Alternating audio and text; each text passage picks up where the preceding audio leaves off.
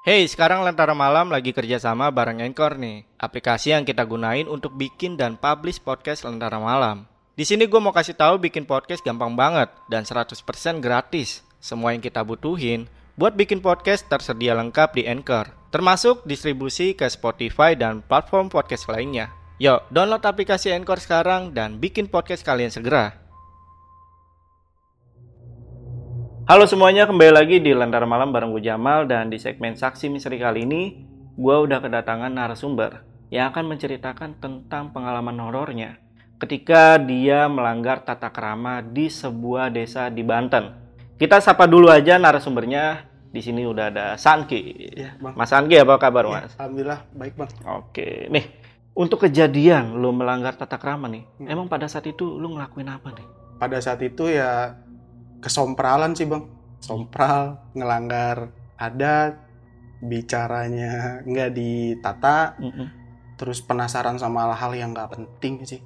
Karena ya gue juga dari kota, jadi kayak penasaran aja nih ada apa sih, ada apa sih. Mm-mm. Dan kayak beraktivitas selayaknya di kota, padahal kan ya di kampung abis maghrib itu udah sepi. Gitu. Gue masih beraktivitas yang selayaknya di kota, nyanyi segala macem. Ya, Oke. Nah, biasanya kan kalau di desa atau di kampung gitu ya, Hmm. Ada aturan tersendiri tuh Hmm. mengenai kampung itu soal aturan-aturannya di situ apa aja tuh? ada tuh kayak nggak boleh keluar pas isa, ajan isa atau abis isa, sama tindakan-tindakan yang maaf bercanda dan ber- bertindak yang nggak baik lah, nggak Hmm. gitu.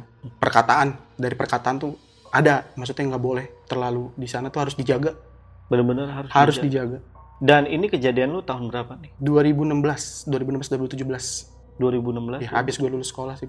Tapi ini yang mengalami kejadian ini apa cuma pendatang atau penghuni tetap di sana juga kena? Kena bang, yang ngalamin kalau dari cerita gue ya, Hmm. gue, kedua sepupu gue, kakak gue yang pertama, abang gue yang kedua, terus juga ada cerita juga dari beberapa warga di sana juga yang ngalamin, emang lagi apes aja gitu. Dan mungkin mereka tidak sadar melanggar peraturan yang ada di sana. Gitu. Oh, oke, ada juga kan kayak gitu. Jadi buat kalian yang penasaran, simak sampai habis. Tapi sebelum itu, gua mau ngasih tahu ke kalian kalau kalian mau jadi narasumber seperti Mas Sanki ini, kalian bisa langsung aja DM ke Instagramnya Lentera Malam. Itu ada di @lentaramalam.id. Dan jangan lupa juga untuk mampir ke Spotify kita buat kalian yang enek atau sebel dengan eh, iklan yang ada di YouTube. Untuk eh, linknya juga gue taruh di deskripsi. Yaudah, buat kalian yang penasaran sama cerita dari Mas Sanki, tonton videonya sampai habis dan tanpa basa-basi lagi. Saksi misteri, kita mulai.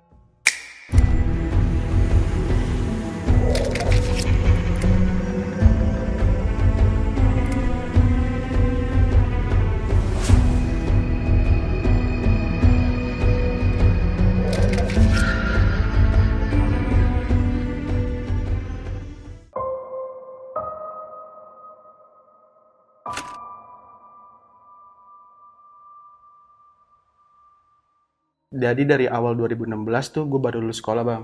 Gue tuh ngikut kakak gue di Banten. Karena kakak gue tinggal di Banten sama suaminya. Gue niatnya tuh mau main ke sana sekalian nemenin kakak karena dia baru nikah Hmm. di sana, baru nikah. Jadi gue niatnya tuh nemenin dia di sana.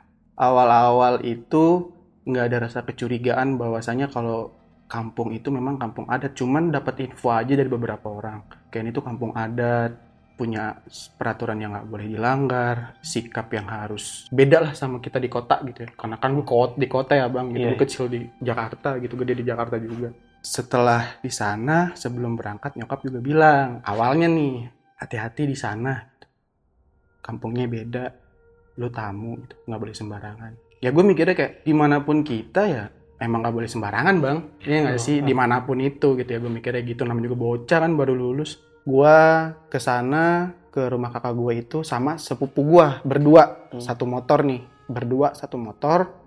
Gue ke sana lah ceritanya ke Banten. Nyampe lah gue di kampung itu. Awal kecurigaan gua pertama kali gue ke sana gue gak ketemu kakak gua.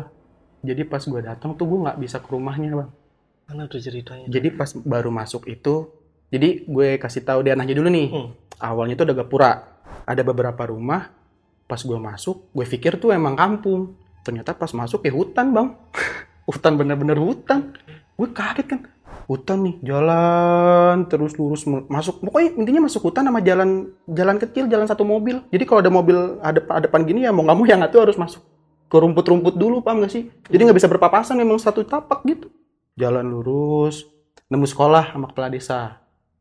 Pas masuk lagi jadi kakak gue tuh punya supir supir pribadi. Hmm. gue tinggal di situ dulu bang seminggu.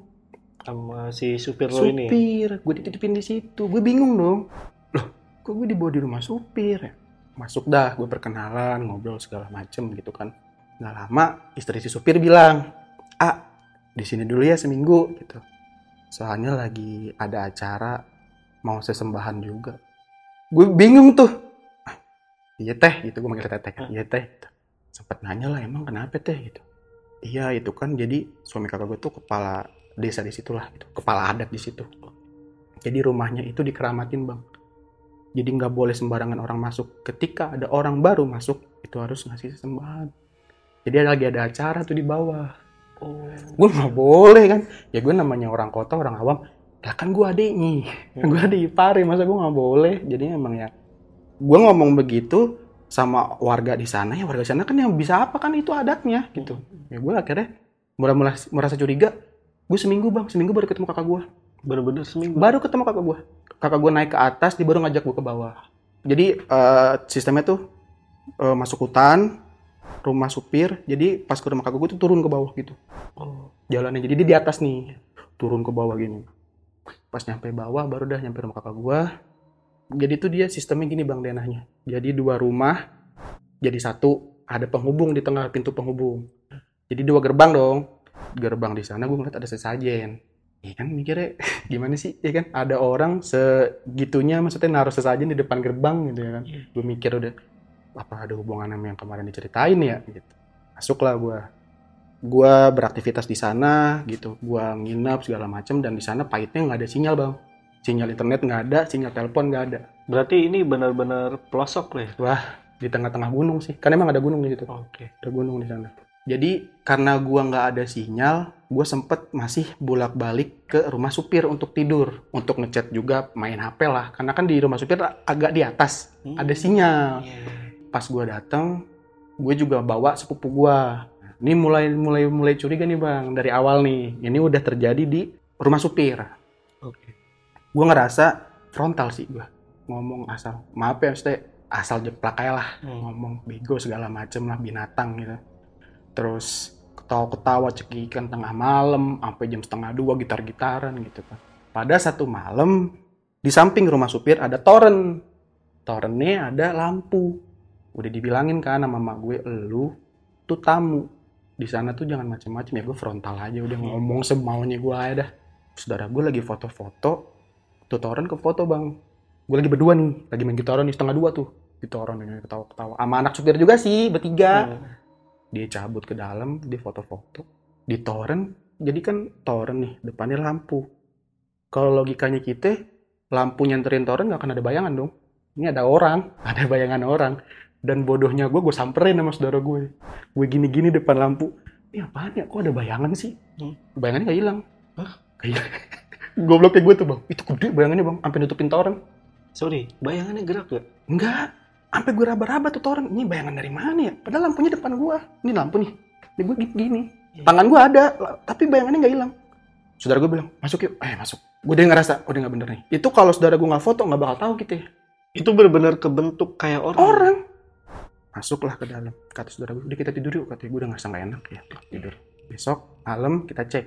Kalau tuh bayangan ada, mungkin entah bayangan apalah. Hmm. Karena memang si driver ini ada banyak pepohonan kecil gitu sih. Ya gue lo- logika gini dah, mungkin sorotan lampu dari mana nyenter pohon mungkin melampiaskannya ke toren itu kayak gitulah gitu. Oke. Kita mikirnya gitu. Besoknya malam tuh lampu nyala, nggak ada tuh bayangan. Gue mikir, aduh, deh. Udah, mulai nggak bener nih. Mm-mm. Satu tuh.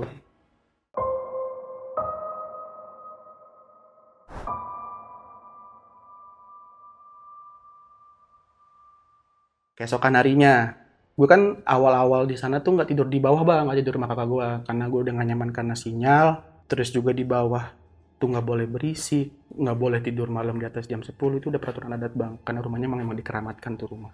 Nah nggak nyaman gue, gue di atas aja lah gitu. Ntar pagi gue turun gitu. Jadi gue tuh turun ke bawah, eh, ngasuh eh, anak kakak gue bang Hmm. gitu terbesit lah namanya orang kota kan bete bang malam Iya. Nggak bisa tidur ya. bisa tidur jalannya keluar naik motor. Jadi gini bang. Pas gue turun ke rumah kakak gue itu ada jalan ke gunung. Kayak jalan ke gunung ke atas. Gue kepo dong namanya orang. Aspal kok udah sampai ke sono ke mana ya? cerita lah sepupu gue.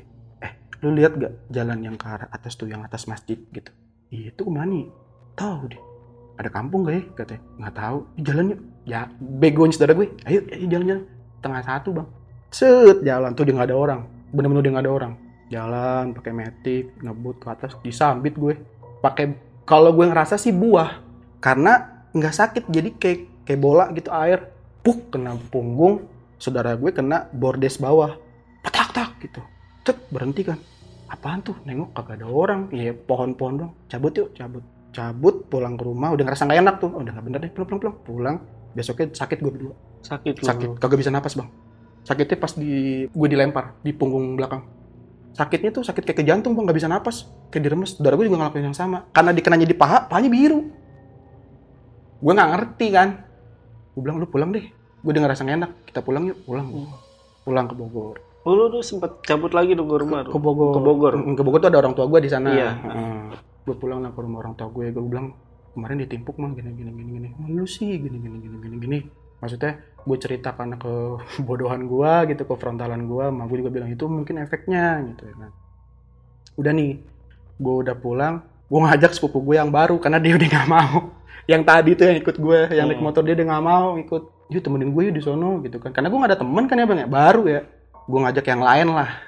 Ngajak nih yang lain. Nyampe lah di sana. Nyampe cuman gue langsung nggak nggak di rumah driver gue langsung ke rumah kakak gue turun ke bawah. Karena udah membuat acara adat lah jadi gue udah boleh bawa orang gue udah boleh masuk situ ke rumah.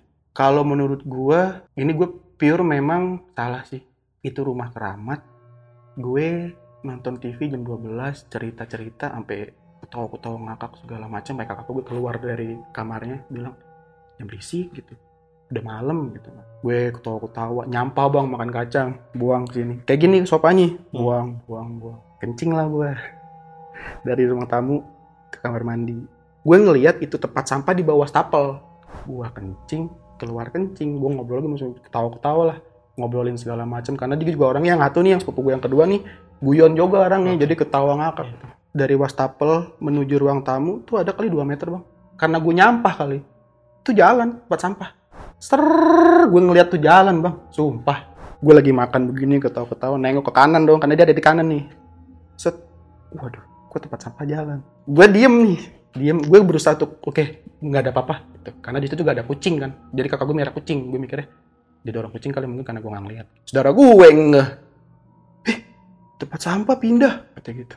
Kucing. Mukanya dia panik bang. Kan ada isinya nggak mungkin kucing dorong dorong tempat sampah. Tidur yuk. Dia tidur tidur.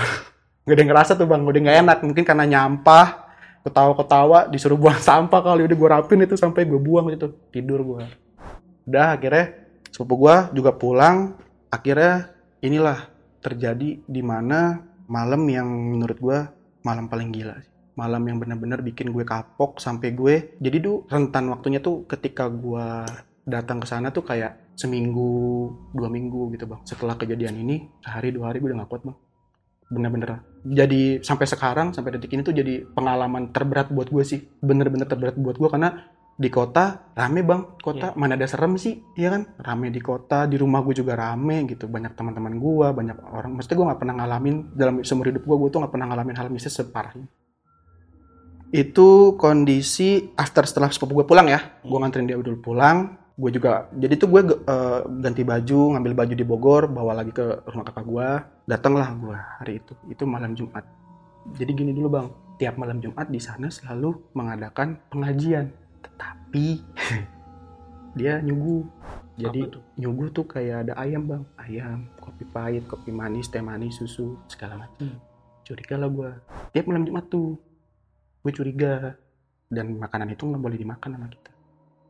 Tuh. Awalnya gitu curiga tuh. Oh gue sempat nyadar. Oh jadi ini yang bikin kita tuh nggak boleh sembarangan di tuh rumah. Gue nyampah lagi kemarin. Mm-mm. makan asal gini aja gitu kan. Tawa ketawa ngomong segala macam ya kan. Itu ayam nggak tahu dibawa ke mana itu bekas minum-minum pun nggak kita minum. Jadi emang dibuang gitu aja. Mungkin buat persembahan di sana. Malamnya sekitar jam 10 tuh udah pada tidur. Jadi tuh sistemnya gini bang. Rumah dua gerbang depannya pun dua tapi dihubungin sama satu pintu. Di rumah ini ada dua kamar satu kamar mandi ruang tamunya gede banget lah ruang tamunya. Itu gua tinggal cuma sendiri satu rumah. Tanpa sinyal tanpa apa-apa udah gue senikmatin TV aja ngeliatin TV gitu karena nggak bisa ngapa-ngapain. Kakak gue di rumah sebelah rumahnya dia dia sama suaminya. Nah tiap malam tuh dia ke nggak pulang maksudnya ke, ke bagian rumahnya kunci ditutup lah peng- kamar penghubung itu Hmm. ditutup. Dan ibu sendirian tanpa siapa pun karena pembantu juga pulang ke belakang karena rumahnya di belakang tetanggaan sama jadi pembantu nggak harus nginep dia pulang ke belakang.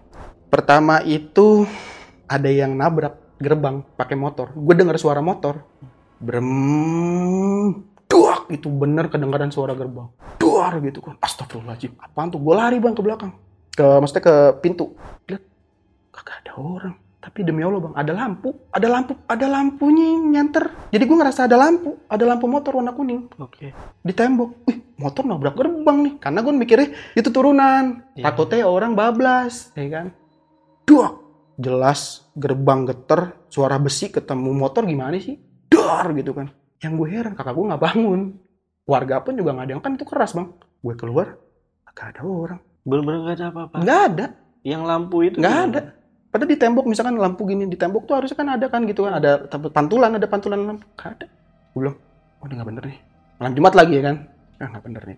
Jadi gue tidur. Bener-bener waktu dari jam 11 ke menuju ke jam setengah lima kan ajan setengah lima ya. Tuh waktu lama bang. Kayak sekitar 24 jam kayaknya tuh gue di situ. Full masuk kamar lah gue baru kunci pintu dilemparin kerikil. Kertak gitu. Jadi kan ada genteng.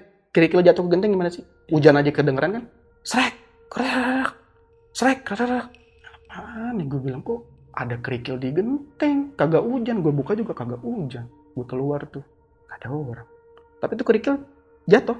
Maksudnya masih kedeng deg deg deg deg gitu nyalain TV gue gedein TV karena nggak ada orang kan gue gedein TV biar biar ada suara bang. Biar nggak sepi banget. Masuk gue ke dalam kamar lagi gue diem aja. Ini paling sadis bang. Gerbang ada yang nendang. Duh! maaf ya bang. Maksudnya emang suaranya kayak gini. Keluar lu Hah? anjing. Kaget gue bang. Allah Akbar. Apaan nih? Gue buka tuh pintu. Gue lari bang. Gue lari keluar. Kagak ada orang. Itu orang jelas orang teriak. Ditendang. Efek dari gue nih gue bilang gue udah mulai nggak bener nih gue bilang. Gue mau pulang karena emang di situ gini bang. Jadi emang nggak boleh maksudnya di atas isa itu kita udah nggak boleh keluar dari itu kampung peraturannya. Nggak boleh keluar dari itu kampung. Jadi mau nggak mau besok gue pulang besok gue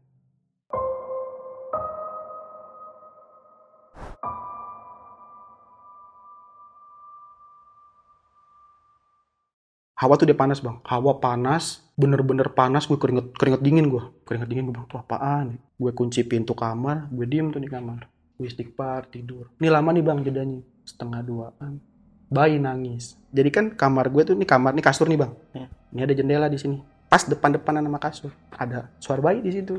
Nah ini samping kam- samping jendela tuh gang kecil buat motor masuk ke, ke tetangga yang belakang tuh. Ada gang kecil buat masuk motor logikanya masa ada bayi di gang? Nangis. Suara bayi di gang bukan di rumah bukan jauh. Emang ada bayi di gang. Gue sampai begini nih ke tembok. udah ini mah di sebelah. Gue bilang gue gak mau dari gue setan ini gue udah mikir ini udah setan udah gue tiduran. Kaku bang. Pas habis denger tiduran nih. Kaku deh. Nggak bisa ngapa-ngapain gue gue nggak bisa gerak gue tiduran di gini. Udah gue begini nih. Ada siluet ibu-ibu gendong bayi di jendela. Kan jendela gue tutupin tuh karena tadi jendela kebuka. Iya, iya. gue sempet dengerin di sebelah gue buka jendelanya kagak ada orang tapi ada bayi. Gue tutupin. Ada siluet. Gini gini. Ah, ini ini pengalaman gue paling parah demi Allah gue bilang ini gang. Ibu-ibu ngapain di gang? Iya, iya. gang kecil setengah dua. Iya. Shh, gitu. Wah banyak banyak teriak-teriak nangis. Kaku bang. Gue gue mau kabur gue mau kabur gue takut nggak bisa. Mata gue dengan terbelalak terus ngeliatin dia. Shh, gitu. Shh. anjing! Hilang Hah? terakin gue anjing. Anjing hilang. Lu yakin? Mm-mm. Suara ibu-ibu. ya bu ibu Hilang gitu aja tuh. hilang. Pas dibilang anjing sakit kena dada. Baru deh. Hilang keringet dingin bang. Gue udah mau muntah. Gue mau muntah nih gue mau muntah tapi nggak bisa bangun. Gue udah mau muntah ngerasa mual. Di atas genteng udah buang kerikil lagi. Suara kaki orang. Buk. Buk. Buk.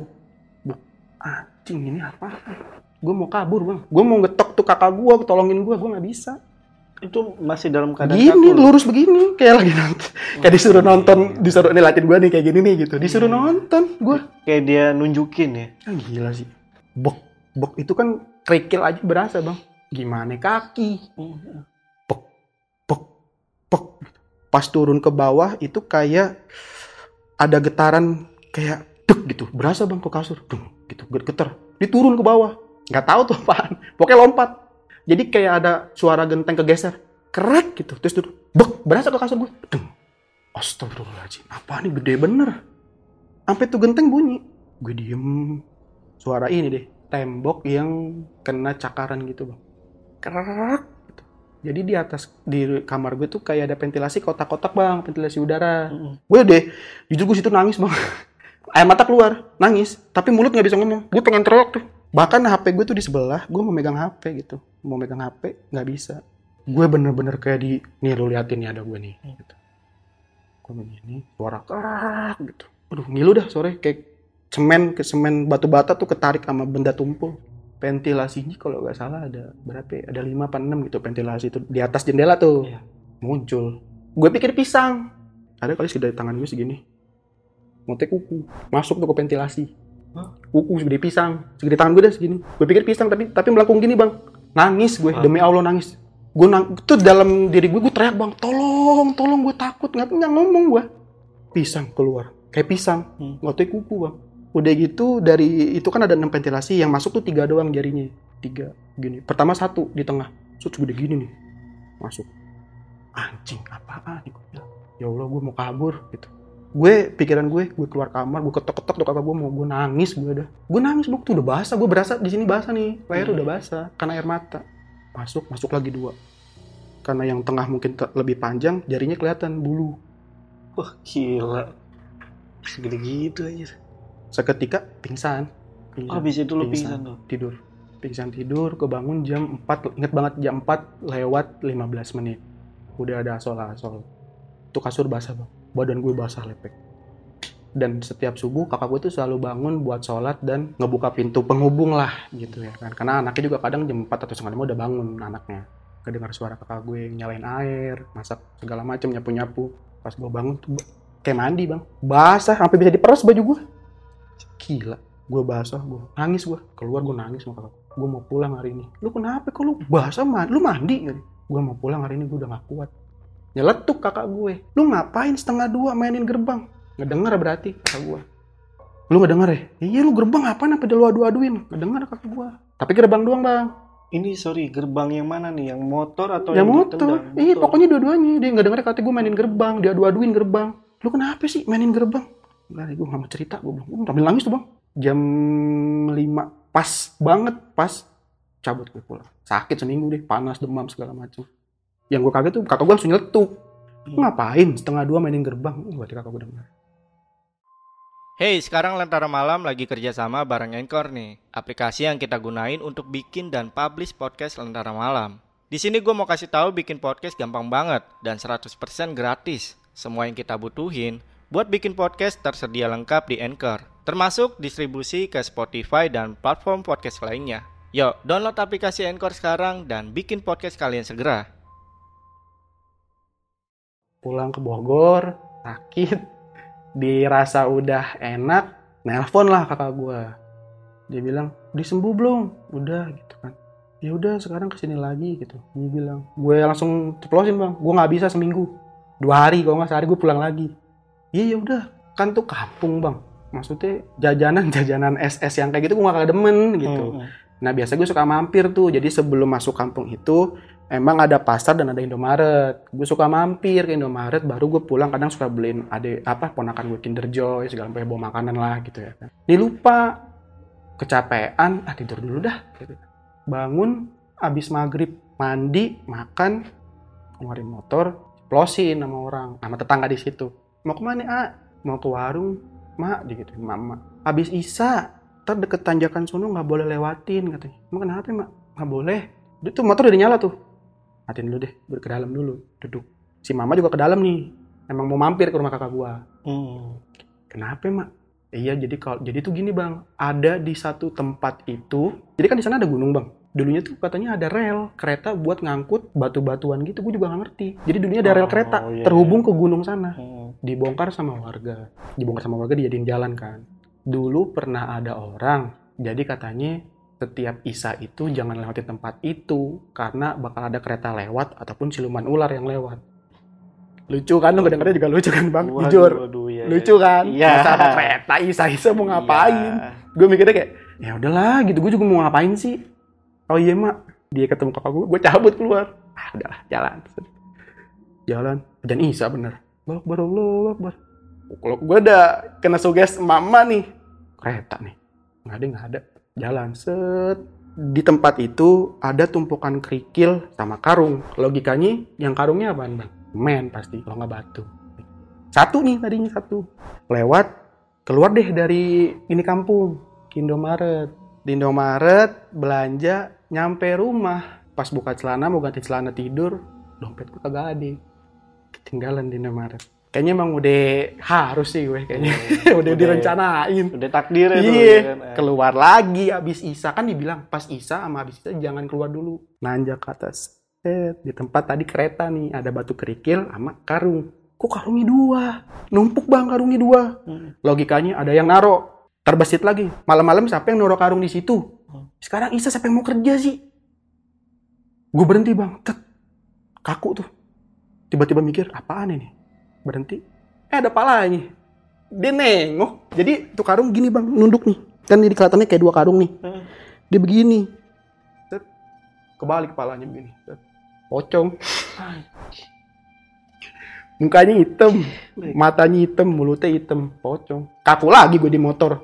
Ngeliatin udah baru hari itu gue datang bang. Lu bayangin coba. Habis ke- kejadian kemarin tuh ya.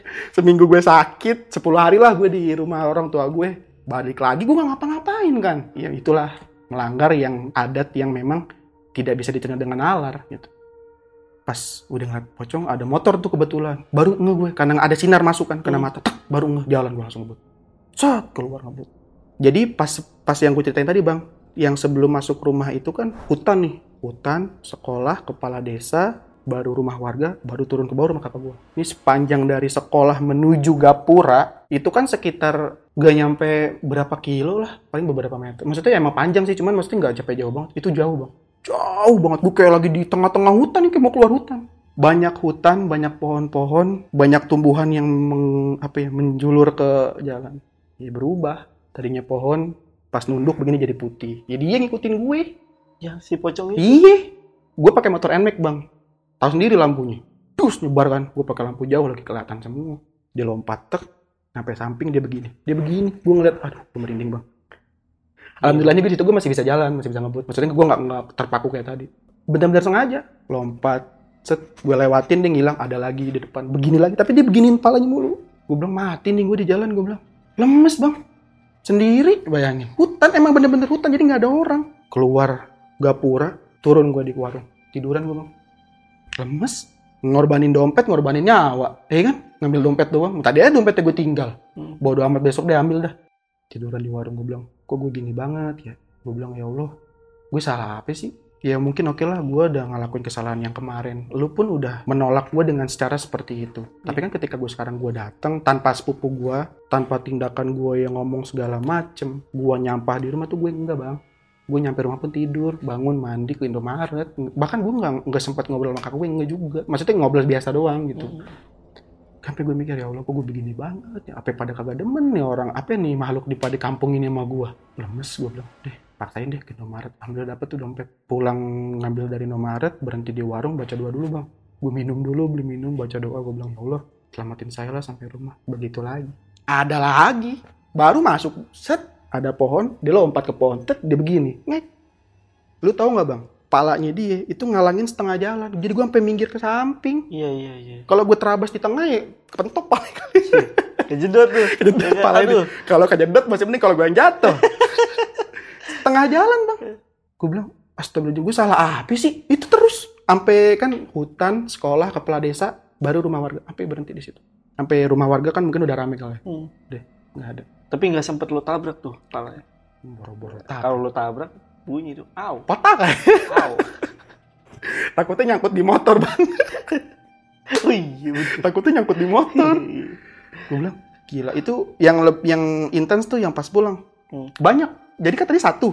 Ini banyak yang ngajak temen. Jadi yang satu ngalangin jalan, yang lain pada diri di depan. Gue kayak disambut, selamat datang di dunia kita. banyak, gue bingung. Gue salah apa sih? Tapi ini beneran lu ngeliat itu sosok pocong bukan sosok pohon. Maksudnya bukan pohon. Pohon putih ada nggak bang? Daunnya putih. Logika deh. Kalau hijau mungkin, ah lu mungkin mikir lo doang kali. Atau gue bilang, bang pohonnya nunduk bang ke nih mungkin kena angin atau patah atau mungkin tanahnya udah kering atau mungkin emang tumbang. Mm. Irung bukan daun orang putih. Itu pada begitu semua. Cuman yang parah yang paling depan nih. Dia sampai setengah jalan palanya. Gue bilang, lah gila kali ya. Gue berhenti dulu bang. Wah gila, gas. Gue ngambil kanan tuh. Pas nyampe ngambil kanan, pas nengok lagi, buset udah rame. Gila sih gue bilang. Ini kampung-kampung apa ya? Bener-bener kampung. Ya Allah salahnya begitu doang bang. Mm, mm, mm. Gue nggak ngapa-ngapain. Gue sampai kayak, ya Allah. Nyampe rumah, sakit. Besoknya sakit. Meriang, panas tinggi. Tapi alhamdulillah di rumah nggak ada gangguan apa-apa. Cuman meriang, besoknya meriang, panas tinggi, berobat lagi, sakit lagi begitu. Gara-gara kayak gitu. Energi lu udah habis Iya, capek. untuk ngeliat itu. Itu juga mungkin karena deg-degan kali ya, Iya, iya. karena efek dari situ.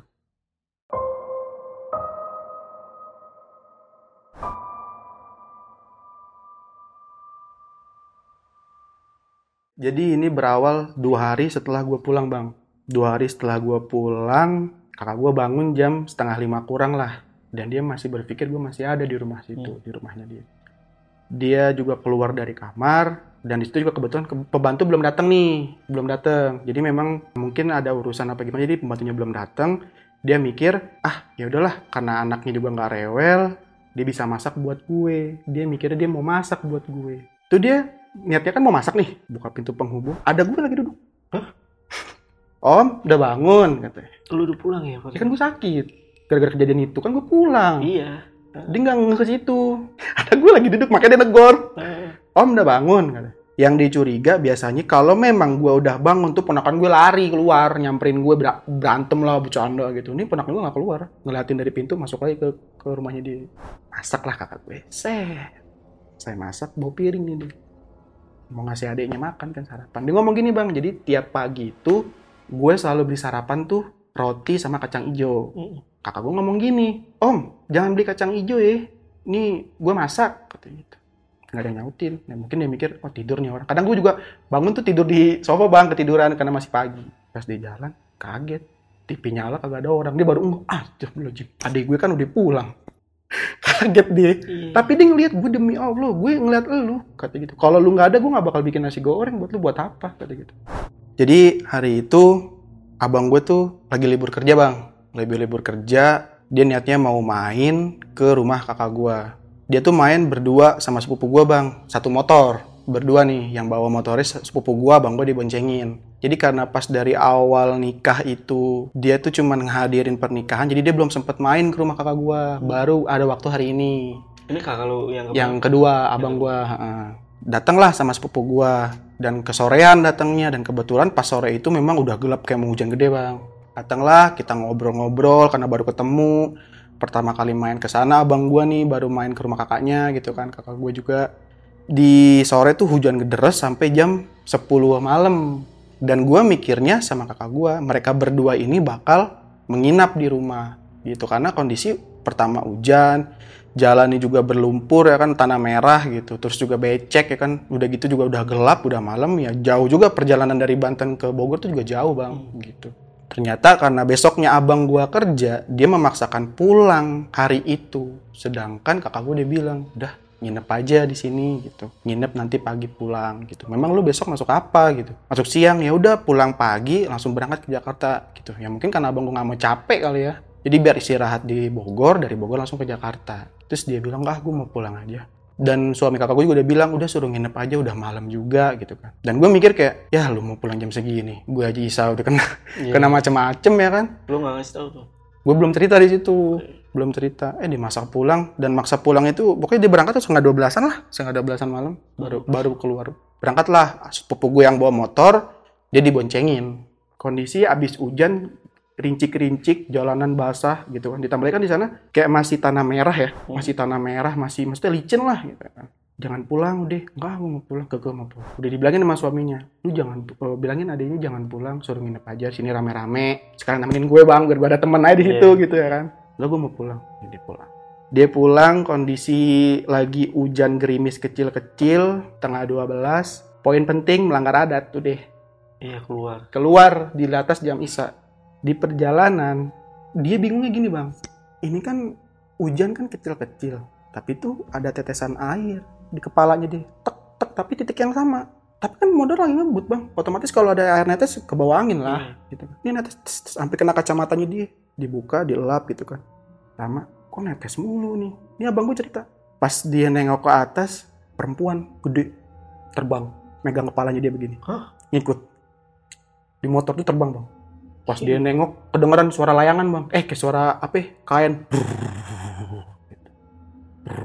Ke bawah angin. Gue merinding gue shock kedengerannya pas dia cerita tuh. Dalam keadaan masih ngebut. jalan. Yang dia bingung kok ada netes jadi itu jarinya dia satu begini. Jadi ada air ya netes yang nggak logika kok jidat gue basah ya kan? Iya. netes mulu. Dia nengok ke atas gini. Palanya diginiin dipegang. Suaranya baru kedengeran bang. Tadi kan gak ada suara nih. Air doang baru suara. Brrr, kayak ang- a- apa? Kain kena angin. Brrr. Astagfirullahaladzim dia. Gak gerak tuh dia bang. Saudara gue yang lagi bawa motor. Ngeh. Katanya ada kalong di apa? Kayak kelelawar di sepion diturunin lah sama abang gue biar dia nggak takutnya jatuh bang. Kaget paham gak sih? Karena emang dia nunjukin. Karena saudara gue pun bilang kan manggilnya dek. Dek katanya. Ada yang terbang kayak kelelawar. Abang gue ngerasa kayak wah dia ngeliat nih. Diturunin lah spion biar dia ngeliat ke belakang. Udah bang. Terus panjang jalan dari daerah Banten sampai perbatasan Bogor ya abang gue diikutin dipegangin. Megang megang pala. Kukunya panjang-panjang lagi katanya nggak tahu ikut dari mana gue juga nggak tahu dah tuh. Tapi sepupu lu nggak ngeliat ngehnya cuma katanya ada yang terbang ada yang terbang ya? Mm-mm. makanya diturunin spionnya biar nggak kelihatan gitu. Iya iya biar nggak ketahuan. Mm-mm. itu pas abang gue begini juga masih ada megang. Ber ber ber. Terus dia mikir gini kalau gue berhenti di Indoma eh gini gue berhenti di salah satu tempat di Banten sama aja. Ya kan? Karena masih daerah ter- karena si makhluk seperti itu tuh dari eh, daerah teritorialnya tuh punya daerah teritorial masing-masing bang. Iya, iya, tapi kita berhenti di perbatasan pas kita di Bogor aja. Jalan kebetulan ada Indomaret 24 jam kalau nggak salah. Dia berhenti berhenti berhenti. Kita berhenti dulu ke Indomaret. Ya mungkin kalau orang awam ngeliat abang gue berdua gitu. Yang dilihat abang gue saudara gue pas turun dari Indomaret kan itu pintunya kaca. Abang gue ngambil minum karena mungkin panik ya bang minum. Itu dari kaca freezer mantul kan ke kaca depan. Diri itu setan nungguin abang gue depan Indomaret. Nungguin bener-bener diri lemes abang gue. Astagfirullahaladzim. Kan kelihatan pantulan kan kaca kan? Sama-sama kaca. Ada diri nungguin. Gila gak? Sampai ditungguin bang. Kata abang gue wah gue keluar Indomaret nih. Begini lagi nih gue. Kayak gue bang. Kagak di kagak dilepas sampai bener-bener tuh setan puas. Gila nggak turun dari Indomaret dilepas. Dari dari Indomaret nih keluar nih. Perbatasan tuh baru tuh. Perbatasan Bogor sama si Banten. Dilepas lah. Puk. terbang ke sebelah kanan. Kelihatan abang gue terbang ke sebelah kanan beberapa meter saudara gue kaget. Berhenti. Cet ada anak macan lewat. Anak macan lu bayangin. Mm-mm. di jalan anak macan. Astagfirullah dek lu dede ngeliat? Ngeliat.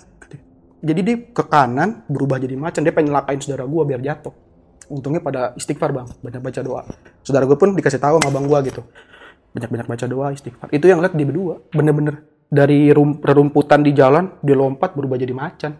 Segitunya pengen nyelakain abang gue padahal abang gue nggak ngapa-ngapain bang cuman keluar tengah malam Ya mungkin itu sih penyebabnya karena udah melanggar adat soal keluar rumah iya mungkin setelah Isa ya. setelah is udah gitu juga ya incik rinci kalau hujan incik kan gimana sih bang hawanya Awalnya.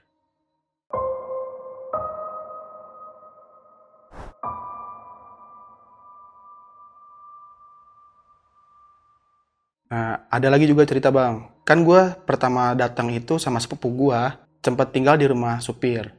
Gue ngeliat di toren itu kan kayak ada orang gitu ya kan. Ternyata anak supir juga sempat ngalamin.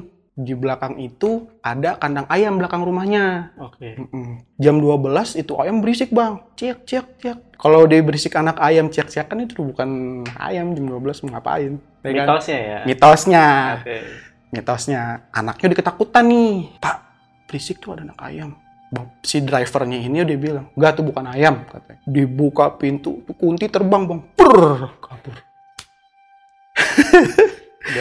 Emang maksudnya pas gue cerita gue ngalamin itu, fotonya sempat gue simpen sih, cuman gue hapus, gue nggak nggak inilah gitu. Gue ngasih tahu anaknya, dicerita tuh. Iya, ah, pernah juga kayak gini-gini katanya. Jam 12 malam ciak-ciakan anak ayam. Bilang sama bapak, kata bapak bukan anak ayam. Terus pas dibuka, ya terbang kunti katanya. Maksudnya, ya Allah. Ini dia di rumah sendiri aja kayak gitu. Iya, iya. Apalagi gue tamu. Hmm. Kata gue, ya Allah bener-bener ya. Terus kalau dari warga sekitar ada gak cerita?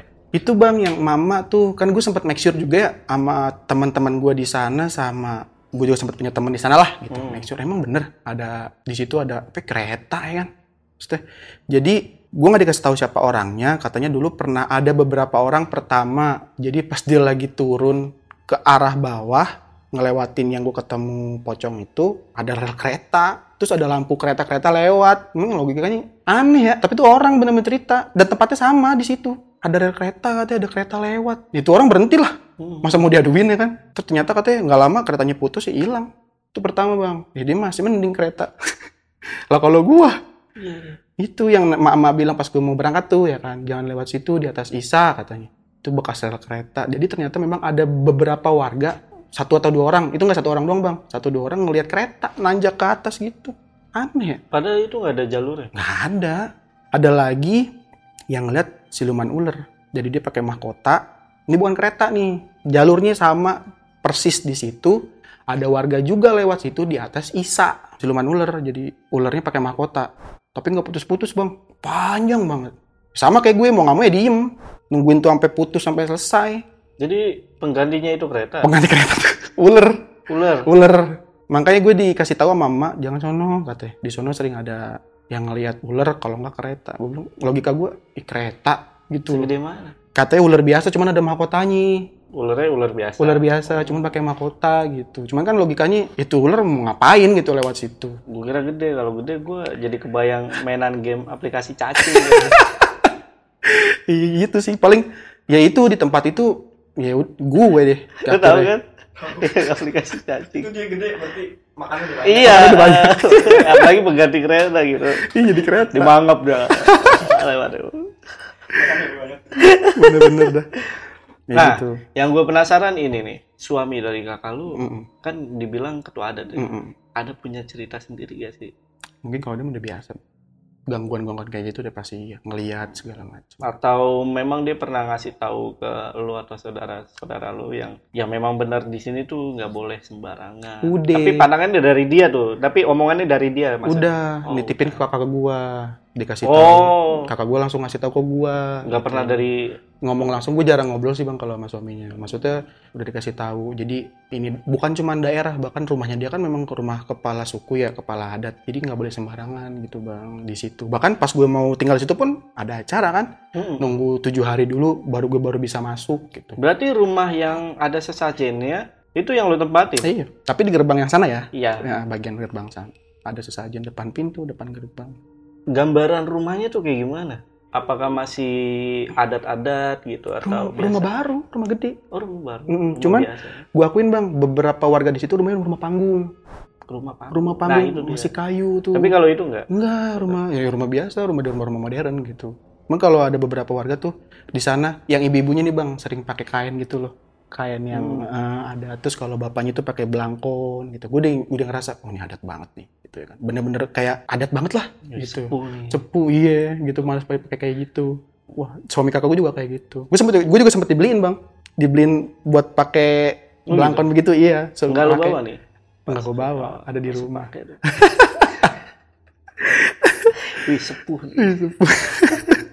Enggak karena kalau masih muda lah ya kan kita kalau misalnya datang ke suatu tempat ya emang tahu apa Hmm. namanya itu kita nggak boleh ngelanggar adat Hmm. tapi memang kalau masih muda tuh ya entah ya bisa dibilang tanpa sadar ya tetap kita tuh berapi-api lah Berapi-api. lupa lah akan hal itu tuh ya penasaran. Ada Penasaran. jalan ke gunung malah kepo, keponya malam-malam. ya itu yang tadi lu bilang kan lu nggak boleh berisik tapi lu berisik ya gue sadar sih maksudnya Iya. tuh ya namanya dulu masih muda gitu. masih muda.